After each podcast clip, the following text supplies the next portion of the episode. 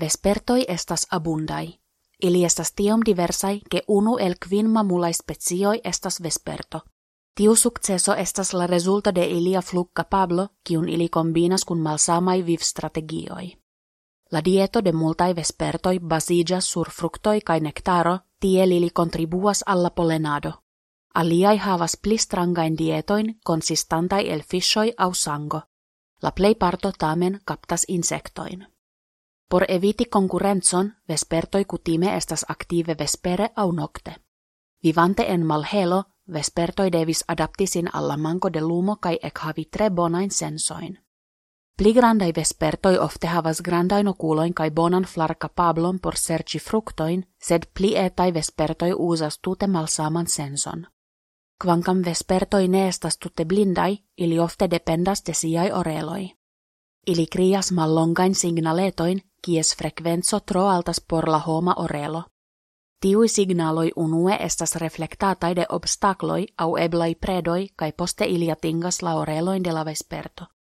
Sur base de detaloi kiel la tempo inter la crio kai la detecto de la sono, la vesperto povas akiri kompleksain informoin pri la formo, distanzo kai rapido de la objekto. Bedaurinde, la strategio ne estas perfekta.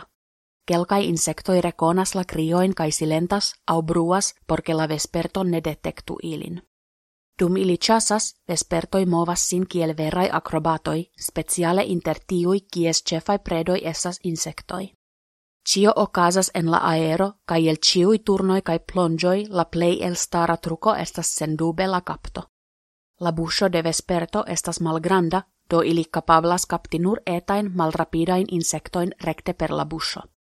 Por travivi, ili besonas capti signife multe plida insectoi, kai tio eblas nur per pli granda naso.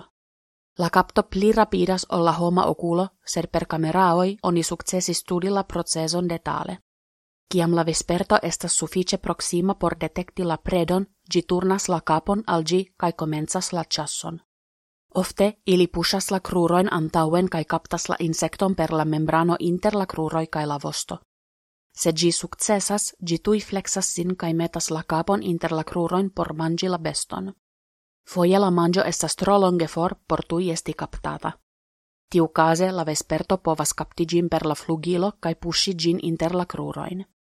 Por fari tion, gi ec povas flexi la pinton de la flugilo. Tiel gi creas ion kio similas al fossilo. Manginte la predon, gi streccias sin de nove kai plu flugas quasau nenio ocasis. Estas clare, che la subitai kai precisai movoi de vespertoi estas idealai por chasado, sed kio estas ilia secreto? Se oni rigardas la flugiloin de vesperto, oni clare vidas che ili estas adaptitai manoi kai brakoi kun maldika membrano. Tia brako havas la samain ostoin kiel homa brako, sed la fingroi estas tre longai. Movante la fingroin kai la brakon, vesperto povas faldi kai flexi la membranon kiel aingi volas. En flugilo de birdoi, la fingroi parte malaperis kai parte fandigis, kio igis din multe mal pli flexebla. Eble la birdoi alkutimiju alla ideo ke ili eble ne estas la championoi de la aero.